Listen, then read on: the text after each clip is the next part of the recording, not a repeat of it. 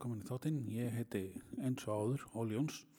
Eh, Nú heldum við áfram með RIMK þemað sem að byrjaði hjá okkur síðasta þætti, þar sem við verðum að tala um Reykjavík Internet Marketing Conference sem verður 31. 31. mars 2017 á Grand Hotel. Uh, síðasta þætti tölum við Þór sem er speaker á ráðstefnunni og starfsmæður í Ensign sem heldur ráðstefnuna. Núna hitt ég Jeremy Abbott sem kom hérna til þess að tala á Ímark ráðstefnunni, settist niður í smá stund og, og rættum málinn og hvað hann ætlar að tala um á næstu ráðstefnu, eh, næstu heimsókninni til Íslands að verður á Rimk eins og það segir. Jeremy Abbott, welcome to the show. Nice to have you here. Thank you. Nice to meet you. The first time uh, there's not an Icelander in the show. So Yeah. congratulations. No, it's. I think it's great. You know, there's a little snow on the ground, so Yeah, yeah. everything's good. Very good. Uh, if you just please tell me about yourself. That depends how far back you want to go. but- yeah, just I don't know, maybe a few years. Okay. So the last four years, I had I had uh, been working at Google, and uh, my title is creative evangelist. So I did a lot of it. It sounds like a, a strange title, creative evangelist. yeah. Um, and people ask me, what does that mean? Is it is has has it to do something, or does it have to do with religion, uh, evangelist? And, and but um, no, it's basically if you think about Google, it's really a tech company uh, through and through. okay. And um, a lot of people don't see when people talk about creativity, they think it's like drawing or sculpture or the visual arts. okay. But uh, techies are also very creative. So my role was to basically go out in the public and talk to people and, and tell them how how um, what they or advise them what they could do with with Google in general. So besides just you know AdWords and and uh, YouTube and stuff. I, I'm more the API. I like Okay. API yeah, kind of yeah, stuff yeah. and um and then you can do a lot with Google now. And back then you could. This was almost five years ago. So I had been at Google the last four years as a creative evangelist, um, and then most recently I started a VC, a venture capital fund called InsureTech VC, Okay. and I also do consulting with with companies like uh, the companies now are like Porsche and Nike, and I help them understand digital Okay. Um, but also just understand you know what's happening in the world kind of these future i guess kind of near future visions Yeah. Okay. so the the new company that uh, is it? What's uh, your role there? well in the insuretech it's insuretech.vc my role is design partner Okay. so if you think about a venture capital mostly you have general partners and i'm a general partner as well but i find right now in technology what's interesting besides ai and all the buzzwords we hear about Yeah. is uh, the fact that design is becoming more and more important for most companies. Because if you think about two different technologies, let's say cloud computing, and two different brands, uh, Microsoft Azure or the, the Google Cloud, whatever it might be, um, the only thing that sets that apart is the user experience hmm for the most part. And that's almost like almost every technology. If you think about Android phones versus iPhone, uh, different brands, the design is the thing that sets that apart. So my role is when we work with startups, we invest in startups, is how can I build design within the culture of the DNA of the companies? Because design is a huge aspect. And when you think about design, I think of uh, a good quote is Steve Jobs, and he says, "Design is not just how it looks or feels. Design is the way it works." Yeah. Yeah. Yeah. Okay. Okay. That's good. Yeah. uh, you're here to uh, here in Iceland to uh, speak at a co- conference that's tomorrow, IMARC, and uh, it'll be last week when we broadcast this. But uh, so you're coming back uh, to speak at RIMK, That's right. Yeah. yeah. so frequent Iceland. Yeah. I've- I mean, when when when then do it multiple times. Yeah, Um, yeah. So I was originally planned to come to the RIMP, and I was invited by Christian from the Engine. yeah. I met him in uh, in Norway, I think last year, I believe, and then he invited me a while ago, and that was there. And then just recently, I guess in the last you know month or couple months, um, IMARC invited me as well. And as you can imagine, there was a little bit of uh, trepidation from the RIMP, uh, you know, Yeah. the the event that's Christian's event. Mhm. um, because it's um, as as we know, as I think a lot of your listeners know, Iceland's not the biggest place, so no, it's not. you're limited to your marketing Yeah, yeah. events. So what I find, um, you know, the big sell is why should you come to this other event is basically because I'm going to talk about something completely different. okay, that's good. And and uh, what are you going to talk about there? Well, I, another backstory I forgot to add is I live in Germany Okay. and I'm American, but Germans are very privacy sensitive with data, and I think Iceland. Someone mentioned Iceland is also someone. Yeah, yeah. But um, the point there is in Germany they had this movement called the right to be forgotten. Okay. Have you heard of that? Yeah, yeah, Okay. yeah. So I mean, people, you know, basically Google's like, it just indexes stuff on the web, and it's not really, you know, whatever they bring up, that's what's out there for the most part. Mm-hmm. And what I'm interested in is uh, what you cannot find through Google, what is not indexed. So I'm interested in the dark web and the dark net, and pretty much what's not findable. You know, I think that's also kind of I find um, Iceland is not dark web, but it's definitely something. It's not it's not mainstream as far as countries go. You don't think of you know Europe. You don't think Iceland's not your first country of choice as far as top of mind. Yeah. It's either England or Germany or France or whatever. And I think what's interesting is that that comparison is because I think there's a lot of interesting stuff that's out there that that one never wanted to be found, and two uh, Google doesn't want to find it. Okay. And that doesn't mean it's all porn and uh, terrorist stuff No, no. because of course you can find that everywhere. You can find that on Twitter as well. But I think it's interesting because right now, when you have the world at your fingertips through smartphones and, and apps and whatever, um, what's not available, that's what's interesting. Although you can find stuff on the dark web through your mobile phone. Okay. So it's go- it's going going to be interesting to uh, uh, listen, even though you came to Rimk. No, came to uh, IMARC. Uh, will be good to come back. Yeah, I think I mean the style will probably be the same because I don't think I'll change that much in the next you know next next time. But um, it's definitely a totally different topic. I think the RIMP uh, or RM RIMC event Yeah. is definitely a little bit more um, technically. I think the people might be technically savvy. That's my my take yeah, on it. Yeah. Um, Sure. So I think it's more interesting to go into a topic that's very niche, and that's basically that's what the the web I find interesting. How can you get into these niches, you know, into your your interest groups? Yeah, yeah. What uh, uh, about Google? Uh, What uh, working at Google? Is it uh, how how was it for these uh, years that you were there? So Google is uh, it's a great company. It's definitely one of the best big companies. Mm-hmm. And let me emphasize big because now it's over 65,000 people. And as you can imagine, when you get that big and you become public and are traded, uh, you know, you have traded shares, then obviously your your the the culture changes a bit. You know, it's no longer uh, the the stuff that Larry and Sergey were was thinking about. It's more it's really big business. I think it's even the most valuable company in the world, you Yeah, know, at the yeah. moment, yeah. Yeah, I think so. So it's a it's a nice place to be, even though it's so big. Yeah, I think so. I think there's you know there's different kinds of people, and we were talking earlier that in in uh, Iceland there's eighty percent of the people or companies are you know under five people or something like that. So I think you know people can either flourish in companies that are are smaller and more compact, or they can flourish in really huge companies like Google with sixty five thousand Yeah, people. yeah. Um, I I tend to flourish in both, but I, what my I think my point there is the bigger company that you work in, the more processes you have, and you're more process driven.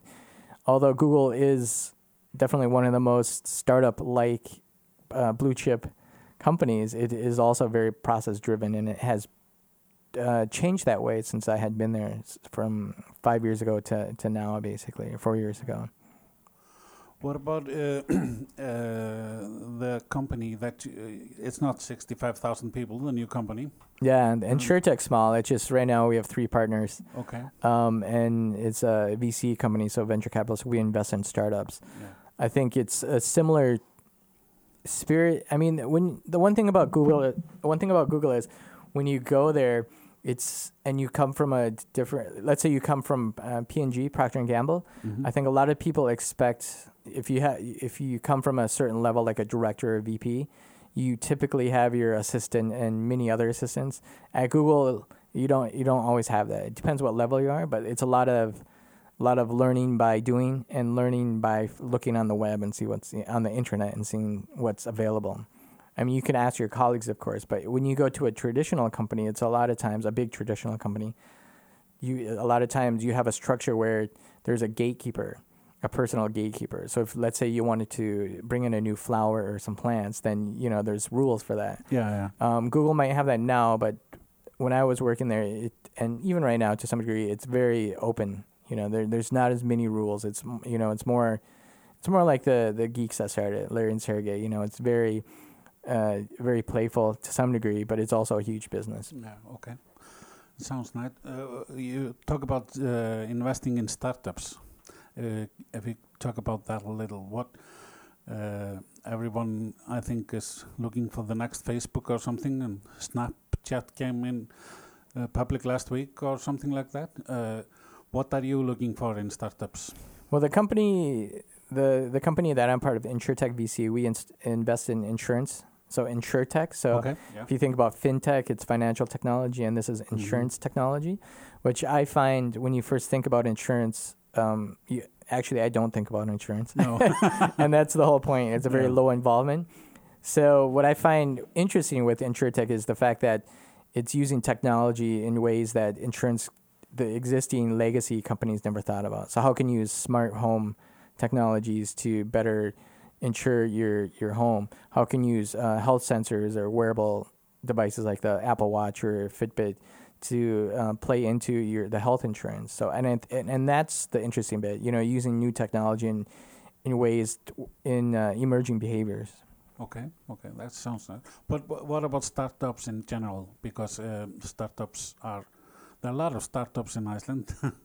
uh, what do you think uh, should be top of mind for startups? Well, I think a lot of times, well, right now I, I find at least in, in a lot of places, this idea of a startup is kind of being romanticized. Yeah, yeah. It's like, oh yeah, we're not unemployed, we're we're a startup.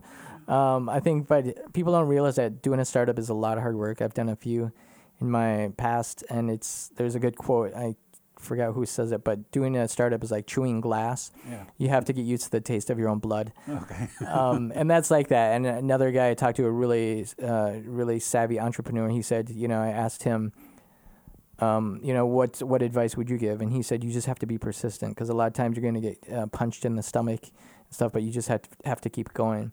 So I think startups. I mean, the most important thing for startups are uh, number one is the team, just like a good band, you know. Um, a lot of times the band doesn't stay together because of the t- the band members break up, and you see that Uh-huh. in startups. Yeah.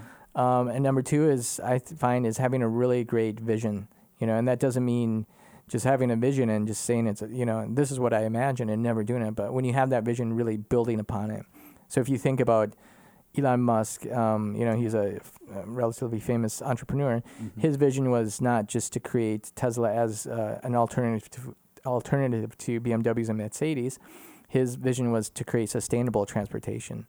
And I think that's a really great vision because now you see it happening not in just the cars themselves, Teslas, but also like the roof, the panels. They have solar panels for the roof. They have the battery. They have the gigabyte factory. Mhm. So it's just one step to, which is his other thing is interplanetary transportation, Yeah. um, and that's a huge vision. But you have to back it up with with doing as well. So I think it's the number one team, number two uh, a great vision or purpose, and number three being making it happen. Uh, okay, that sounds good.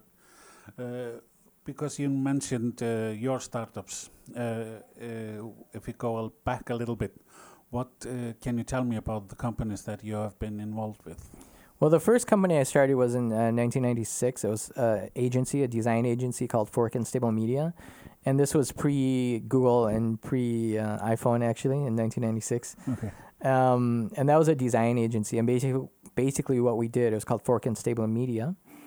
And what we did is we would experiment, uh, create an interface in Java, 3D interface or something, and then we would sell it to companies like Lufthansa or Mercedes. Mm-hmm. And we would do a lot, also play with culture, like cultural propaganda, I guess you could say, and create games and, and then just do those on the on the side. That was one, uh, I would say, successful startup. Um, I would, I mean, startups kind of it was an agency, but an agency is also a startup. Yeah, Um, the last one I was involved in was called Stuffle, where I did the whole UX UI and the branding, and that was a local platform to sell sell things. So it was a like a local mobile platform for uh, like a flea market. So like e- eBay, but just locally. So it, the whole point was there is if you have we have a bunch of stuff in you know that we own and a lot of stuff we want to get rid of, but eBay is kind of a hassle because you have to you know you have to upload it, they get take a cut, and then you have to go to ship it. The idea with this startup called Stuffle was basically you just take a photo of it with your phone, upload it to the platform, and then everyone else that has the app can see in your area uh, geolocation in the area can see what you have to sell. So if it's a guitar okay, or whatever, uh, yeah, Yeah. that's nice. yeah, That was uh, uh, was that the last one before Google or exactly. So I was doing that, and then I also did parallel to that. I was uh, had a little uh, collective, I guess you could say, and we worked on hardware. So I like I'm personally interested in uh, physical computing, also known as IoT now, Internet of Things. yeah, yeah, and that's how I got to Google because they asked me if I could create two projects for their for an event they had in uh, Berlin at the time, and um, the only restriction was I had to use some API, some you know, and Google has a ton of APIs, like I said earlier. so um, in the end, that worked out, and um, I created those, and uh, it worked out nicely. And then they offered me a job later on. Okay, that's nice. That's nice. Uh, you have been in Iceland now for a few days.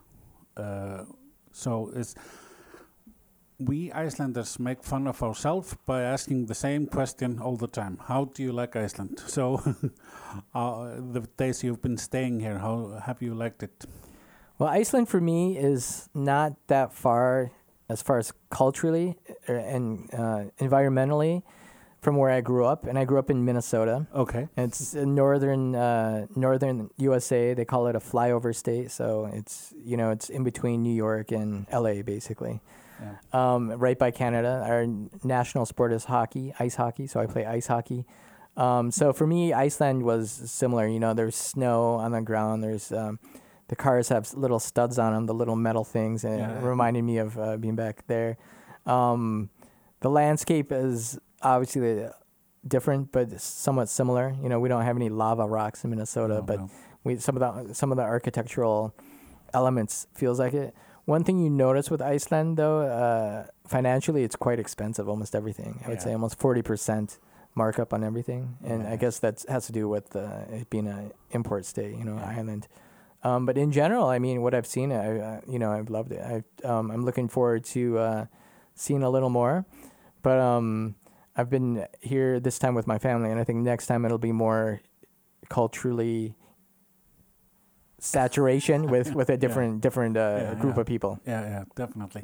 Uh, what about have you uh, any Icelandic companies that you have noticed or heard about before you came here, or or I mean, as an American uh, now living in Germany, the I mean, the biggest thing that p- people associate with Iceland is, of course, is Bjork. You know, Yeah, yeah, I mean, music. Um, and then uh, I'm a I'm a, I'm I'm somewhat of a geek myself, so I, I have a like three drones, and I see a lot of great uh, drone videos from Iceland.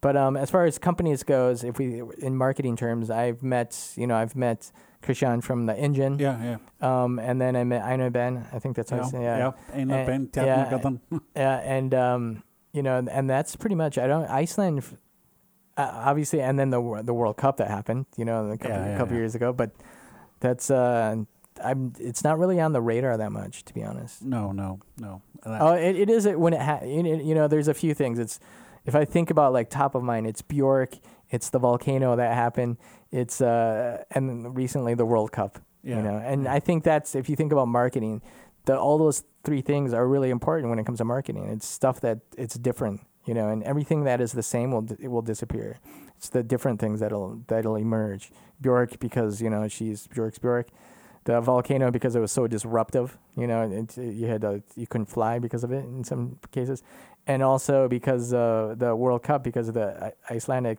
uh, football team was also disruptive you know what's what's better than taking out england yeah. Uh, not much. yeah Já, þannig endaði þetta spjall við Jeremy Abbott, mjög skemmtilegu karakter og endur við á að fara út og hann fór að pröfa eitthvað á þessum drónum sem hann var að tala um og flög hérna út um allt hjá okkur fyrir utan hérna í Kópavóinum þótti mjög skemmtilegt og, og uh, þegar að þetta er tekið upp þá náttúrulega er ímark dagurinn liðin og hann var alveg ágætið þar en er mjög spenntur að sjá hana rimk og vonandi að sem flestir mæti og sjá henn þar. Bara takk fyrir